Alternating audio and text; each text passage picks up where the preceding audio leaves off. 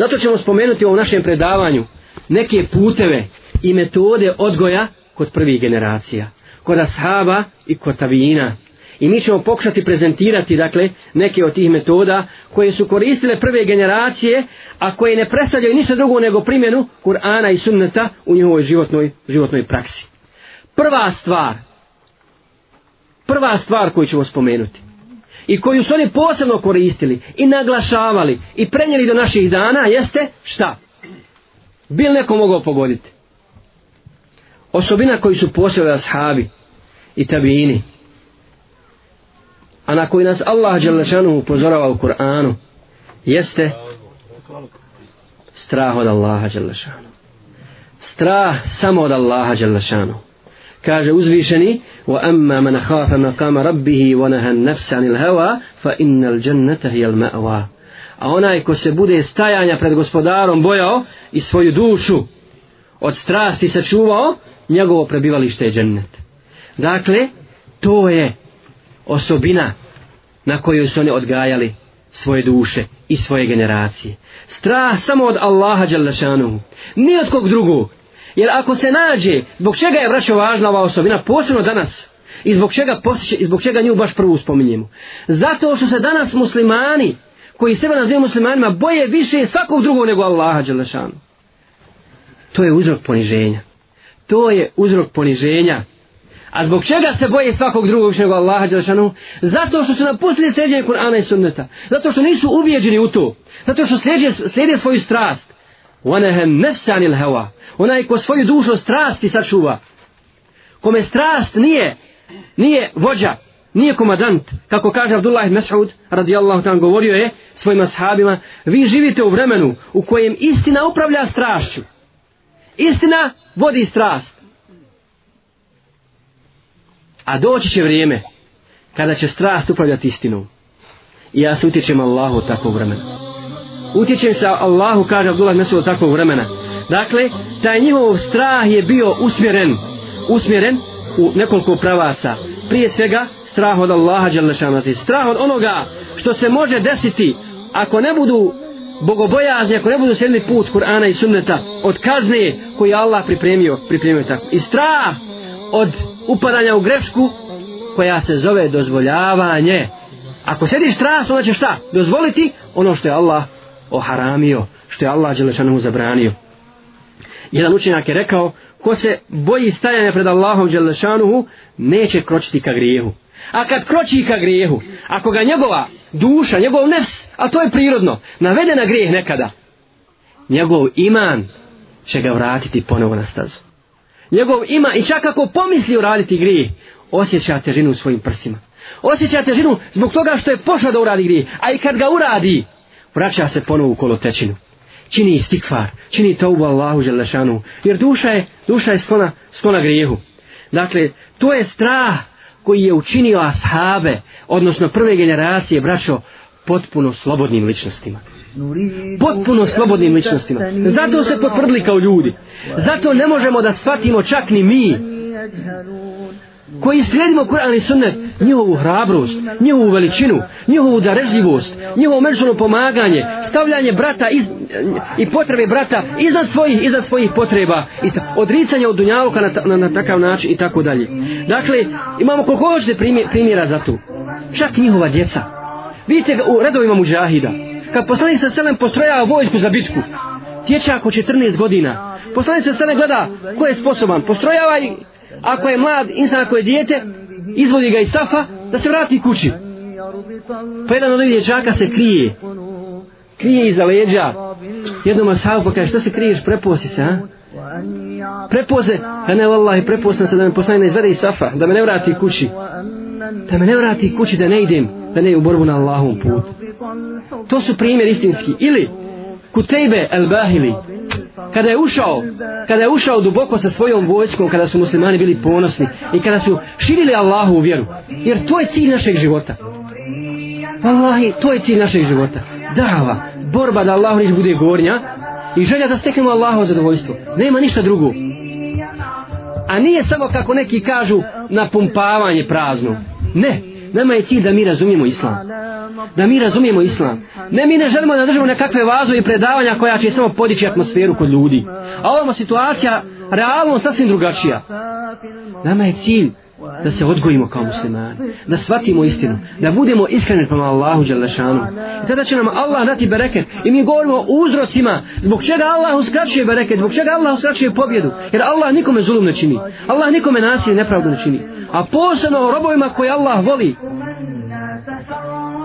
i Allah će dati pobjedu i ušao je duboko u tatarsku teritoriju pa mu kaže na njegov drug kaže oko tebe zaista si duboko zašao u teritoriju na prijateljsku a Allah je dane podijelio među ljudima danas jedan dan protiv tebe jedan dan za tebe kako si danas pobjedio sutra možeš živjeti poraz težak veli vratimo se malo malo se smiri kaže Kutejbe, vallahi, ništa me nije uvelo u ovakvu duboku teritoriju osim sigurnost i jekim da je pobjeda od Allaha Đelešan. Da je pobjeda Allaha Đelešan. I kada ti istekne eđel, brate, ne vrijedi ti opreznost ni poputnina. Šta si god pripremio, koliko se god spremio, kad dođe eđel, ti se vraća svome gospodaru.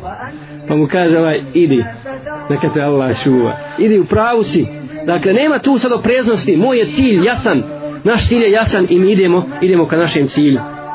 Ili, Abdullah ibn, Abdullah ibn Zubeir, vrlo interes, djeca, dakle, e, prije svega kad govorimo o mladim generacijama, kako su ashabi odgajali djecu na hrabrosti, na strahu samo od Allaha Đalešanu. Mi znamo kako je bio halifa, uh, e, Umar radijallahu anhu kako je bio strog, ali pravedan, pravedan u svojoj, u svojoj strogosti, kao što je u Bekr bio pravedan u svojoj blagosti. Kaže, jednog dana najviše Omer djeca su se igrala. Igrala se djeca i kad su vidjeli Omera, svi su pobjegli. Osam Abdullah ibn Zubeira. On prilazi i kaže, što ti nisi pobjegao? Kaže, od čega da bježim? Nisam napravio nikakvu grešku da pobjegnem. Pojede dijete od 90 godina kako razmišlja. Nisam napravio grešku ni prema tebi, ni prema Allahu Đelešanu, nisam ništa skrivio zašto da bježim od tebe? Kaže, Omer, zaista si ti sin svoga oca. Koje, dakle, Zubeir, koji je bio po, sa osem, otac ga vodio kad je bilo 12 godina ili 13 godina u bitku i sa njim zajedno učestvovao učestvo u borbi u borbi za islam. Dakle, na tim stvarima, na dakle, na strahu samo od Allaha Đalešanuhu, odgajale su se prve generacije i Allah im je onda podario hrabrost hrabrost i istinsku slobodu. Jer kad se čovjek ne boji Allaha, onda se boji svega drugog i tada je ponižen. Tada je vallahi ponižen. Kad iziđeš na ulicu, misliš svi ljudi gledaju u tebe zato što imaš bradu. Sad će se svi okomiti na tebe. Nepravno razumijevanje Islama, nepravno razumijevanje istine. A kad znaš da je tvoj život u Allahovoj ruci i da se samo njega bojiš, da se ne može ništa desiti bez Allahove volje i odredbe, onda ti kročiš dostojanstveno ovim tegobnim dunjalučkim životom. Zatim, Druga stvar na koju su odgajali ashabi sebe i svoje generacije, mlađe generacije, jeste učenje duše strpljivosti. Strpljivosti na iskušenjima. Kaže Allah džellelhu čak upozorava svoga poslanika Muhameda sallallahu alejhi ve pa kaže: "Vasbir nafsaka ma'a alladhina yad'una rabbahum bil ghadati wal 'ashi yuriduna wajha." Strpi se sa onima koji i dan i noć se mole svome gospodaru Želeći samo njegovo lice, želeći njegovo zadovoljstvo. Povodom čega je objavljen, kaže Sad ibn Vekas, sjedilo je naša storica sa poslanikom sallallahu alejhi ve kad su došle vođe Kurejša. Vođe mušrika i rekli su: "Otjeraj ove. Otjeraj ove bjednike od sebe, ove siromahe, ove koji nisu niko ništa kod nas, koji su bili robovi i mi ćemo te onda slušati." Pa kaže Sad ibn Vekas svoj predaj Nakon toga je poslanik se razmišljao i nešto i se desilo u njegovoj duši. Možda je pomislio poslanik sa sallam da, da uradi tako. Ne da napusti ove, nego da poseban, poseban međlis, odnosno poseban sastanak sa, zakaže za vođe, kako bi njih pozivao. Pa Allah objavljuje ajed, ne tjeraj one koji traže Allaho zadovoljstvo od sebe, da bi ugodio ovima, da bi ovima. Bez obzira koliko misle se dava tada uspjet. Budi strpljiv s njima. Budi strpljiv, oni su se odazvali. Prihvatili istinu. Nije bitan nivou. Nije bitan nivo koje, kojeg su oni. Bili oni oslobođeni robovi ili neko drugi, oni su prihvatili vjeru. Oni je razumiju, ne razumije Ebu Džehl. Ne razumije, on je neće nikada razumijet. I nije nikada razumio. Nego hoće da te zavedu. I nemoj. Ja, a to je to, ovaj ajet nam ukazuje na to da je duša u stvari sklona zlu. Ona po svojoj prirodi ne voli stege. Ne voli, ne voli granice. Ona hoće da se oslobodi. Zato ovi danas kjafri govore o slobodi. Šta bi braniš tu? Što mi braniš da ja udovoljavam svoju strasti? Da radim šta hoću? Ako mi to zabrani, znači postavljaš neke granice. E to je džahilijetsko razmišljanje. Kad nema objave, i čim uspostaviš granicu, evo mi, koji smo prihvatili vjeru, i molimo Allah da budemo iskreni na, na, u vjeri, na, na, na Allahovom putu, kad govorimo sad o džahilijetu, većina će nas priznati da nam džahilijet nije bio izazovan dok smo bili takvi. Dok smo živjeli u moru tog džahilijeta.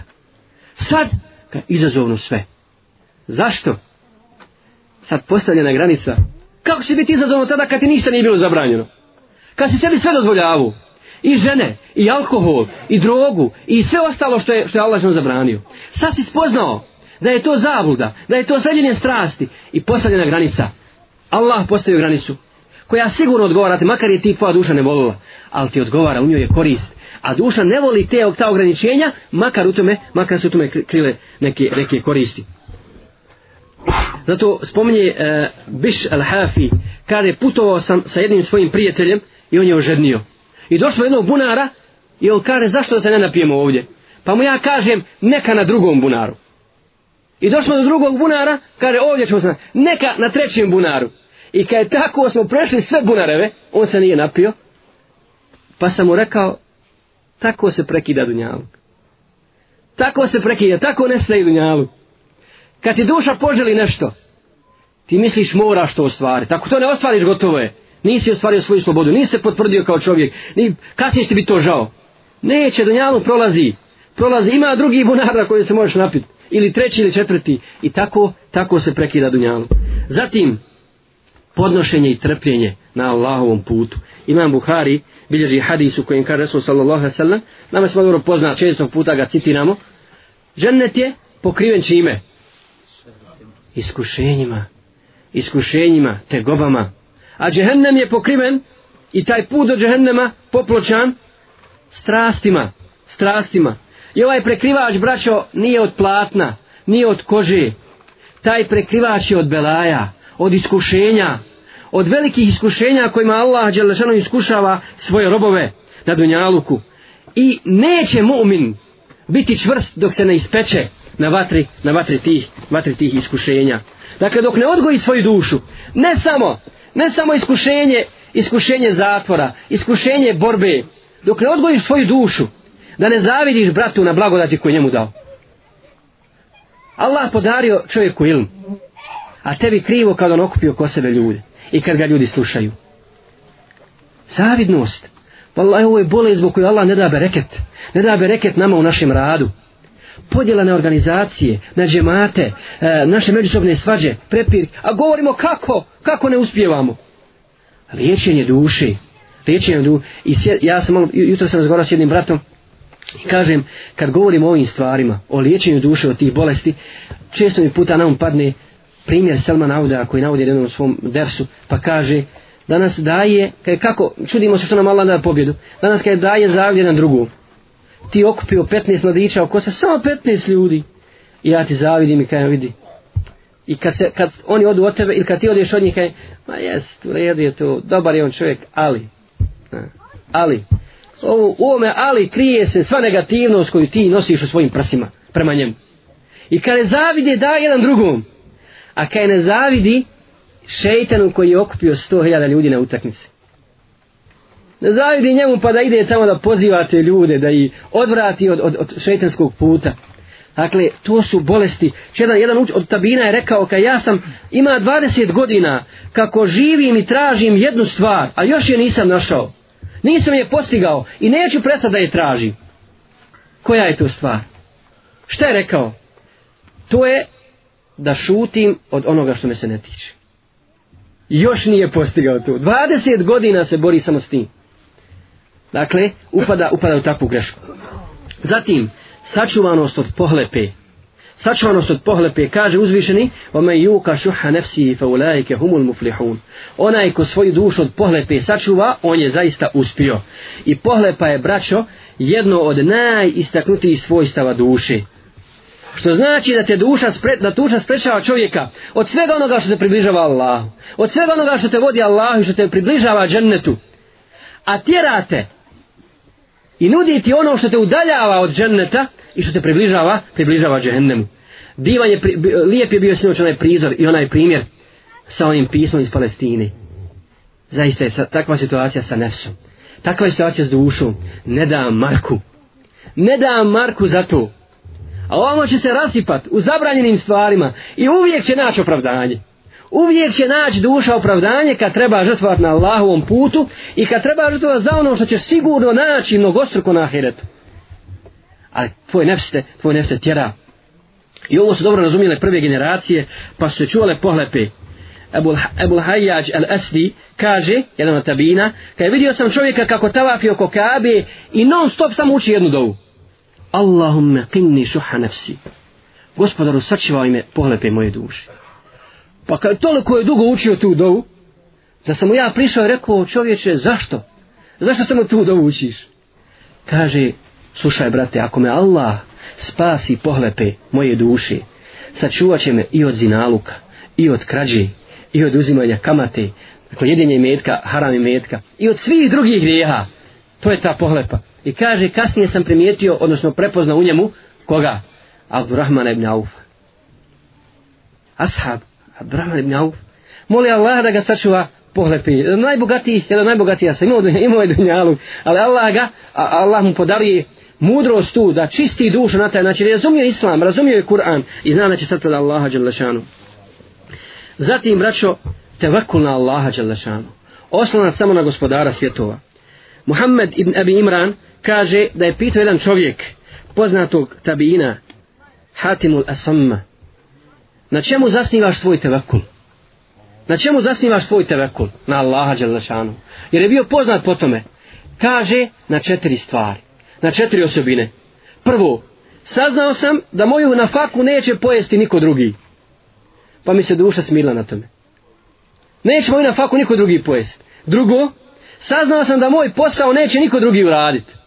Pa sam mu se predao. Predao sam se to u svom poslu s kojim želim da zaradim Allahu zadovoljstvo. Za Zatim, saznao sam da će smrt doći iznenada, pa sam je ja pretekao. Čime je pretekao? Pretekao je dobrim dijelima, pripremio se za smrt. Ne može njega iznenaditi, inša Allah. Dakle, kad god dođe, a doći iznenada svakome, spreman mu'min, spreman da stane pred gospodara svjetova. I četvrto, saznao sam da se ne mogu sakriti nigdje od Allaha Đelešanuhu, pa ga se stidi. Pa ga se stidi. Kad me god duša pokuša navesti na zlo, sjetim se gospodara svjetova. Jer rizk, vjernik je ubijeđen da je Allah odredio na faku. I kaže poslanim sada neće umrijeti duša, neće umrijeti insan dok ne potroši svoj na faku. Nema drugi. Ovaj isti čovjek, jedan put tavafio oko Kabe, pa mu je prišao jedan čovjek i kaže poduči me jednom kuranskom ajetu. Nauči me. Kaže zapamti dobro kuranski ajet gdje Allah što kaže wa fis sama'i rizqukum wa ma tu'adun i na nebesima vam je obskrba ono što očekujete i otišao ovaj čovjek došao iduće godine na hađ na hađ i prilazi ponovo hatimu na samu i kaže tako mi Allaha ja sam se ubijedio u to nauči me drugom ajetu nauči me daj mi neki drugi ajet on mu citira sljedeći odmah posle ovog fa rabbi sama'i wal ardi innahu lahakku mitra ma annakum tantekum i tako mi gospodara nebesa i zemlje, to je istina, kao što istina da govorite. Dakle, istina da, da je na nebesa, da vam je opšta na nebesima, kao što istina da govorite. Pa kaže ovaj Beduin, kaj, ka, koji je to nitko natjerao tako Allaha da se zakune? Kakav je to nitko natjerao Allaha da se tako zakune? Zbog, pa, pa ne vjeri, taj, taj čovjek, dakle, ne vjeruje da je opskrba kod Allaha Đelešanuhu. Pa se Allah kune nebesima i zemlje, da je opskrba na nebesima, i ono što je obećano čovjeku što, kao što i da je to istina kao što je istina zatim se ovdje spominje dakle djelo jer djelo djelo odnosno tevekul djelima je najčasnija vrsta tevekula i najjasnija vrsta tevekula je osnovna na Allaha Đalešanu ime vjeri traži Allaha o zadovoljstvo misli se dakle na djelo s kojim ja želiš ahiret jer na dunjaluku neko dunjalučko djelo kad čovjek zna da ga neko može drugi urad za njega ti ili ja urad sve jedno je bit će urađeno onda se razlijeni i sve jednom ću. Međutim, ti znaš da ahiretsko djelo ne može niko raditi za tebe.